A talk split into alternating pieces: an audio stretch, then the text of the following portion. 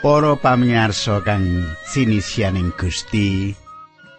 Kepiye kabar panjenengan kabeh ing pepanggihan kita iki? Aku Pendeta Pujianto kaya padatan bakal bebarengan karo panjenengan ana ing sajroning adicara margi utami. Adicara kang dadi klangenan panjenengan. Pandungaku sak kanca saka batu panjenengan tansah pinayungan dening Gusti lan tansah luber ing rahayu tinebihna ing sambe kala apa-apa. Nah kepiye apa panjenengan wis nyawisake wektu nyawisake kitab suci panjenengan tak jak nderekake ngegilut sinau naliti pangandikane Gusti. Panjenengan pirsa? Manawa adicara iki tak aturake mirunggan kagem panjenengan sing remen gegilut sing remen sinau isining kitab suci. Nah kadangku ayo nyawisake wektu kanggo gegilut kanggo sinau pangantikane Gusti kang dadi kekuatan kita bebarengan ngadepi godaning urip ing jagat iki sugeng midhangetake adicara iki.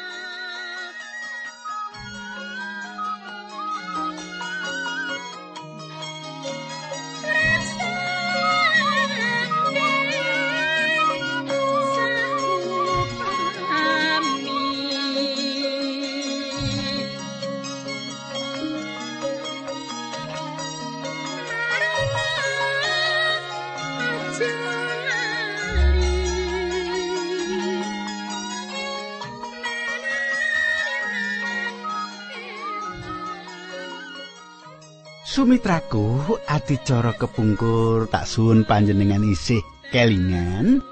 Adicara kepungkur kita wis nyemak bab pasemon sing diparingake Gusti Yesus kagem nyetakake njlentrehake bab kratoning kasuwargan. Banjur apa sing ditulis dening Matius sak teruse?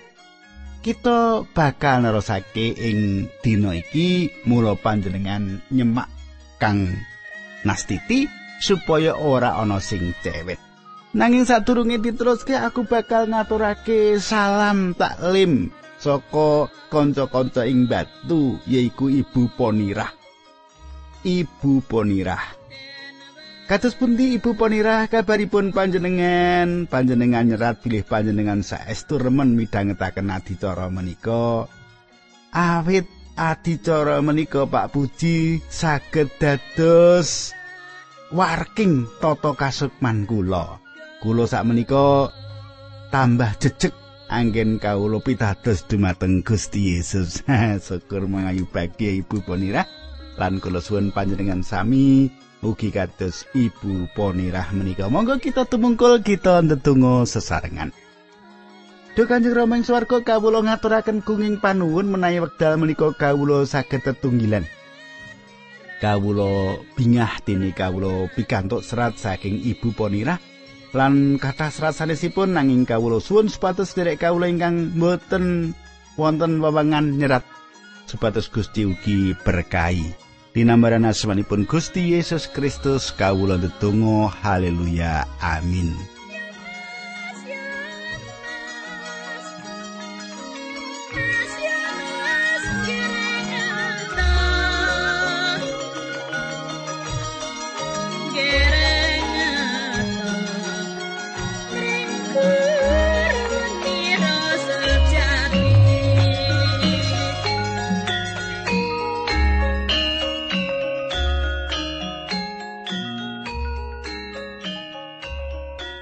Sumitraku, saiki kita wis ngantik ing Injil Matius lawe ayat telung puluh siji.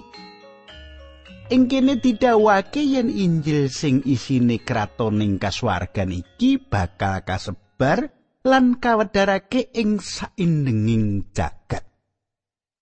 Ora kabeh bisa nampa. Saperangan gedhe padha nampik kabar iki sing uga ateges nampik utusane Allah ya iku Sang Kristus Sang Juru Wilujen. Ing Injil Matius lawi ayat 31 coba panjenengan gatekake tak wacake besok. samangsa putrane manungsa rawuh ngagem kamulyane kadherekake saking malaikat panjenengane bakal lenggah ing damparing kratone Gusti Allah. Sumitraku. Pangandikan iki satunggaling pawarto saka Injil Matius sing saknyatane yaiku pawartose Injil sing nyakup sakabehing saripatine kitab suci. Ing kene kadangku uga dipratelake yen kabeh bangsa-bangsa ing jagat iki bakal diadili dening Sang Kristus. Ya saben wong secara pribadi pancen diadili nanging saben bangsa saben bangsa kudu tanggung jawab marang Allah apa sing wis ditindakake. Cetha ya. Nah, saiki Matius lawe ayat 32. Coba tak wacake. Lan sakabehing wong ing bumi bakal kaklumpukake ing ngarsane panjenengane nuli bakal misah wong-wong mau dadi rong pontho kaya pangon sing misahke wedhuse gembel lan wedhuse perok.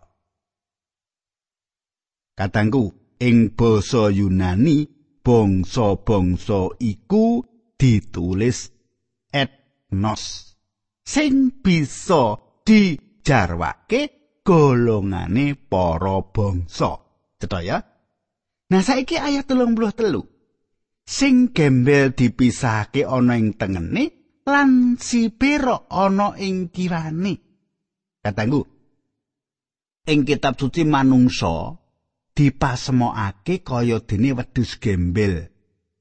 ana wedhus sing ketriwal uga ana wedhus sing ora ketriwal kaya sing disebutake ana ing buku Nabi Yesaya 53 ayat 6 coba panjenengan terus buka Yesaya 53 ayat 6 rada cepet sithik tak waca kita kabeh iki kaya wedhus sing ketriwal saben wong lakune nuruti karepe dhewe nanging paukuman sing sejati kanggo kita ditempahake dening Allah marang panjenengani. Kadangku, sing ketriwal lan sing ora ketriwal, sing nuruti karepe dewi-dewi. Saiki ayat 34. Tumuli Sang Prabu bakal ngendika marang wong-wong sing ana ing tengene, "Mara kowe sing padha binerkahan dening ramaku, kowe bakal padha ngrasakake kanikmataning kratoning Allah sing wis kacawisake wiwit dumadining jagat. Awit nalika aku keluwen, aku kok causi dahar. Nalika aku ngelak, aku kok causi ngunjuk. Nalika aku ngumbara, aku kok causi pondok aning omahku. Ayat 36. Nalika aku kewudan, aku kok causi ageman. Nalika aku gerah, aku kok upakara nalika aku dikunjara aku kok tiliki ayat 37 ing kono wong-wong mursid mau padha matur Gusti kala menapa kawula sumerep panjenengan keluwen lan kawula caos dahar utawi kasatan kawula caos ngunjuk. Kala menapa kawula sumerep panjenengan ngumbara? Lajeng kawula caos pondokaning griya kawula. Kala menapa kawula sumer panjenengan kelukaran? Lajeng kawula caosi ageman. Kala menapa kawula sumer panjenengan gerah utawi dipun kunjara lajeng kawula tuweni sang prabu nuli bakal paring wangsulan elingo apa wae sing tau kok tindakake marang salah sawijining sedulurku sing asor dhewe iki? Kuwi ateges ya wis kok tindakake marang aku. Kadangku. Ana 144 ewu bangsa Yahudi sing kapilih ing mangsa kasangsaran gedhe. Arep padha martakake kabar kasukan yaiku Injile Gusti Yesus Kristus. Kang kanggo panebuse dosa manungsa. Mula para manungsa ing sakurebing langit iki padha percaya lan padha waspada nungsung. Nyambut bakal rawe ing jagat iki. Pancen manut kitab suci ana bangsa sing nolak sing nampik kabar kasukan iki. Gusti Yesus ngendika yen apa wae sing kita tindakake marang para wong sing keserakat ing kapitayan marang Allah? Yaiku sing kita tindakake marang Allah pawartos Injil sing kita sebar supaya ana sing padha krungu nuli ngerti lan pracaya. Yen ora pracaya pancen wis jelas paukuman sing kita tampa si ambek sio antikristus arep besmi lan merajaya para utusane Allah. Bangsa-bangsa bakal diadili dasar nampa apa nolak Kristus sang juru wilujeng. Saiki Matius lawe ayat patang puluh lima tekan patang puluh menem mangkini surasani. Sang Prabu banjur bakal paring mangsulan rungokno sing becik. Apa wae sing ora kok tindakake marang salah sawijining wong sing asor dhewe iki? Kuwi yo ora katindakake marang aku. Wasana wong-wong mau bakal nampa paukuman langgeng. Nanging wong-wong mursid bakal nampa ganjaran urip langgeng. Mangkono surasane ayat 45 nganti 46 Matius bab selawi kadangku para bangsa arep padha nglakoni ngalami kraton sewu taun. Pengadilane Sang Kristus marang para bangsa ing rawe sing kaping pindho. Sabanjure kita mlebu ing bab 16 sing isine nresehake 6 wulan sadurunge panjenengane tindak menyang Yerusalem. Kasang sayani sing dilampahi jalaran pakartine para ahli agama lan para ahli Taurat. Nulis sedo kesalib lan telung dina sawise wungu meneh saka antarane wong mati. Panjenengane Gusti Yesus tangsa tuhu marang apa sing dikersakake Sang Rama. Panjenengane dudu korban sing ora duwe daya, sing mung pasrah jalaran kalah utawa katindih ing tindak culikane para pemimpin agama sarta katinding panguasane Romawi. Ora. Ora mengkono. Coba panjenengan semak Matius 6 ayat 1. Sawise rampung nggone mulangake bab kuwi mau, Gusti Yesus banjur ngendika marang para murid. Katangku, kira-kira apa pangandikane Gusti marang para murid? Apa? Kira-kira apa? Bab khotbah ing puntuk Ora. Ora, sebab kabeh wis kajawab. Kabeh wis diparingi jawaban. Matius 6 ayat loro coba gateki. Kowe wis padha ngerti yen kurang rong dina meneh wis riyaya Paskah. Lan putraning menungso bakal dicekel dening wong akeh lan disalib. Kadangku coba panjenengan gateki kanthi temenan. Ing ayat telu lan limo ana bab sing wigati. Ing nalika semono para pangareping imam lan para pinutuwaning bangsa Yahudi padha nglumpuk ana ing daleme imam agung Kayapas. Para pangareping imam lan para pinituwa mau padha rembukan bab kepriye rekane supaya bisa nyekelan nyedani Gusti Yesus. Ayat 5. Nanging oleh nyekelan mateni aja pinuju dina riyaya supaya ora gawe gigiri wong akeh. Kadangku kang dak tresnani ing ayat loro Gusti Yesus ndawuhake para murid yen panjenengane arep kasedanan.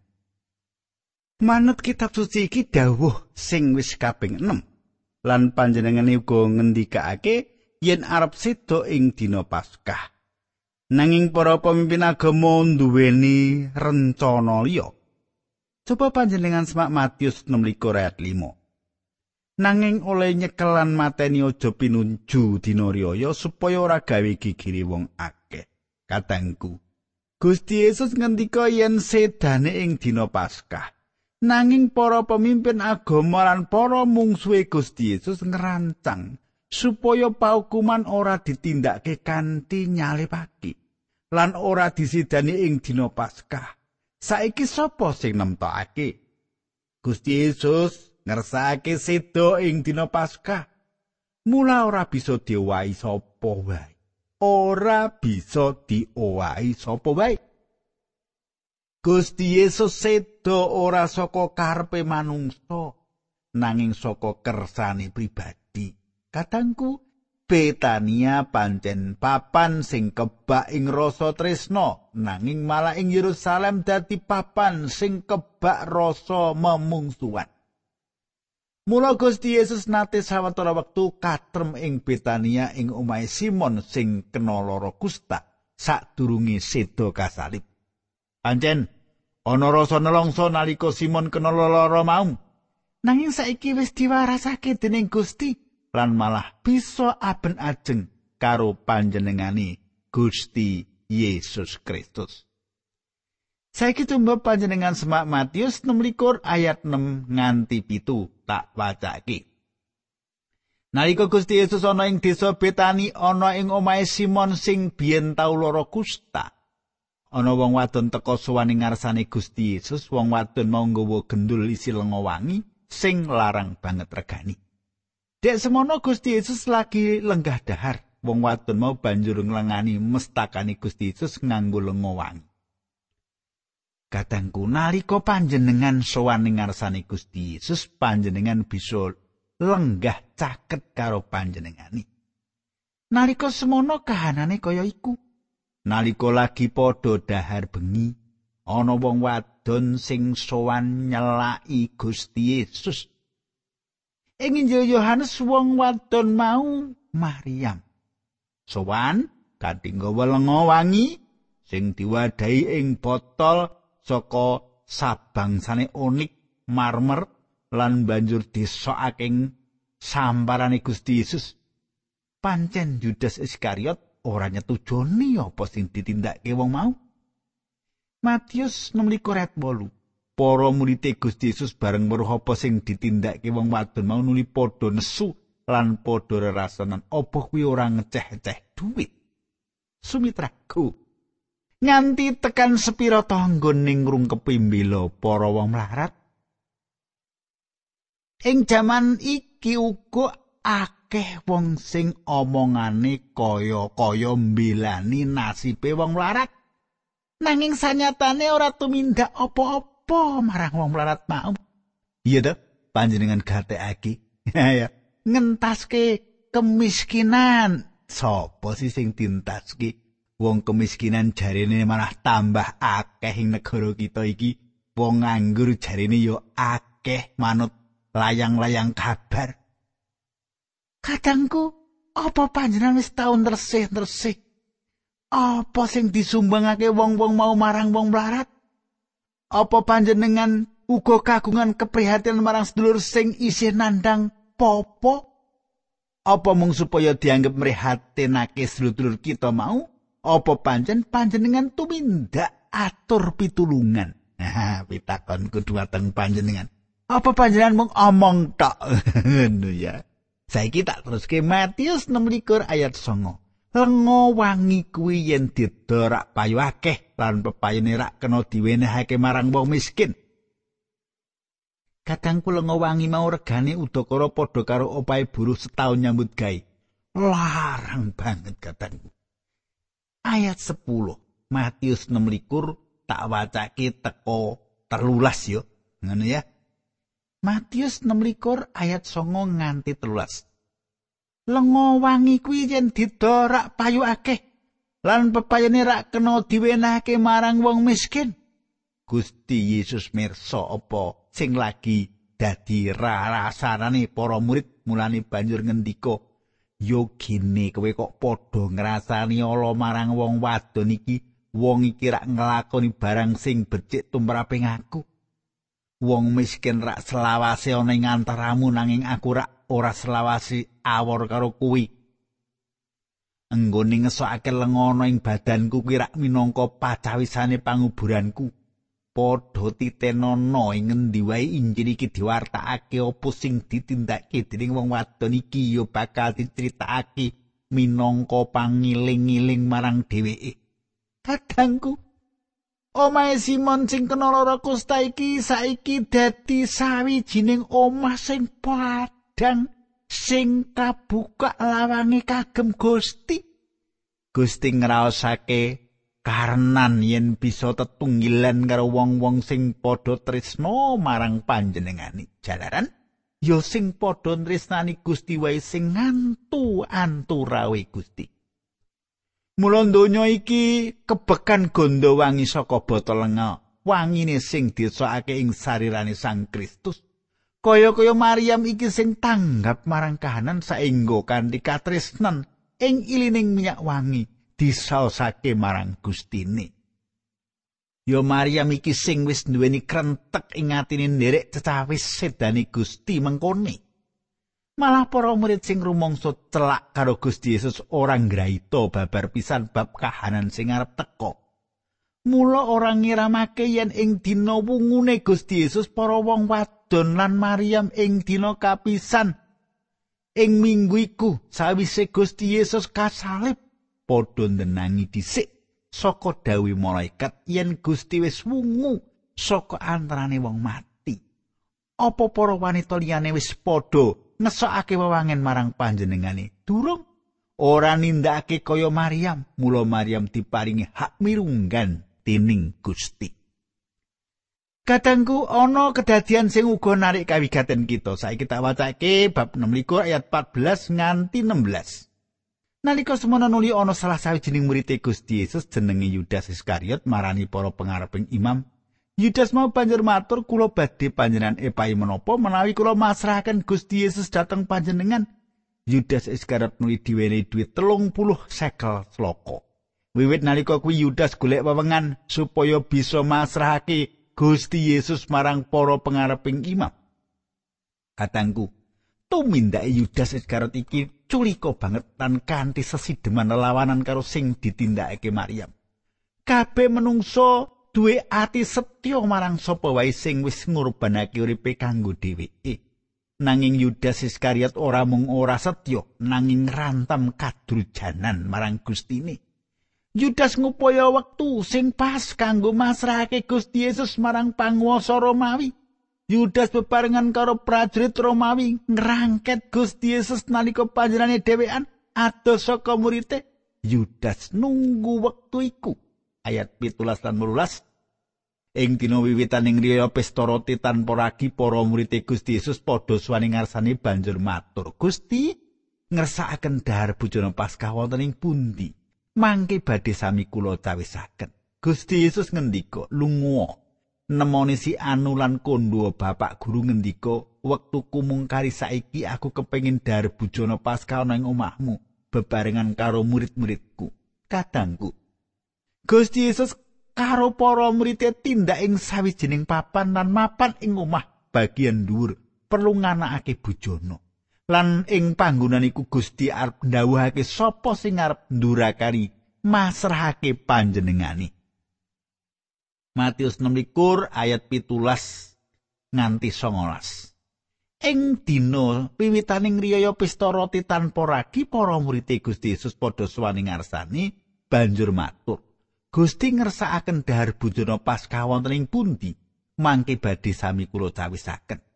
Gusti Yesus ngendika, "Lunga nemoni si Anu lan kondo Bapak Guru ngendika, "Wektuku mung kari saiki aku kepengin dahar bujana Paskah ana ing omahmu bebarengan karo murid-muridku."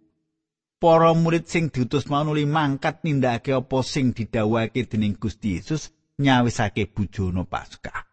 Kadangku Gusti arep nindakake bujana bebarengan karo para murid ing omah bagian dhuwur lan ing kono bakal ndawuhake yen ana sing arep ndurakani panjenengani. Matius 19 ayat 30 nganti 22 mangkene surasane. Bareng wis sore Gusti Yesus banjur lenggah dahar bebarengan karo para murid. Nalika isi padha dahar Gusti Yesus ngendika, "Ngertiyo, salah siji panunggalanmu bakal ngulungake aku marang wong-wong sing padha ngarah mateni aku. Bareng krungu pangandika mau para murid Gusti Yesus padha sedih banget banjur genten-genten padha matur, "Rak sanes kula to Gusti." Kadangku ing tetunggilan iku wis padha duweni panyokro bawa yen ana sing arep ndurakani Gusti Yesus Apa panjenengan uga wis tau nalisir penggalih panjenengan apa ana niat utawa krentek mundur saka kapitadosan panjenengan? Sanyatane kita iki manungsa sing jember lan kebak ing pangrancana dosa. Mula aja nganti uwal saka astane supaya tansah etuk pitulungan saka panjenengani. Senadan mung limang menit paribasane, urip kita bisa kentir ing arusin donya iki yen ora gunilan jangkar sing santosa yaiku Gusti Yesus mulo ayo dibakoh ing iman lan percaya kita ing panjenengane. Sumitraku semene dhisik aturku muga panjenengan kaberkaning adicara iki ndak anti ngadicara candhake kanthi pandonga muga panjenengan manggih suka basuki monggo kita ndedonga sawetara. Duh Gusti kawula ngaturaken gunging panuwun menawi wekdal menika kawula saged midhangetaken sabda pangandikan paduka nyuwun supados sederek-sederek kawula menika paduka berkahi. Dinambaran asmanipun Gusti Yesus Kristus kawula ndedonga. Haleluya. Amin.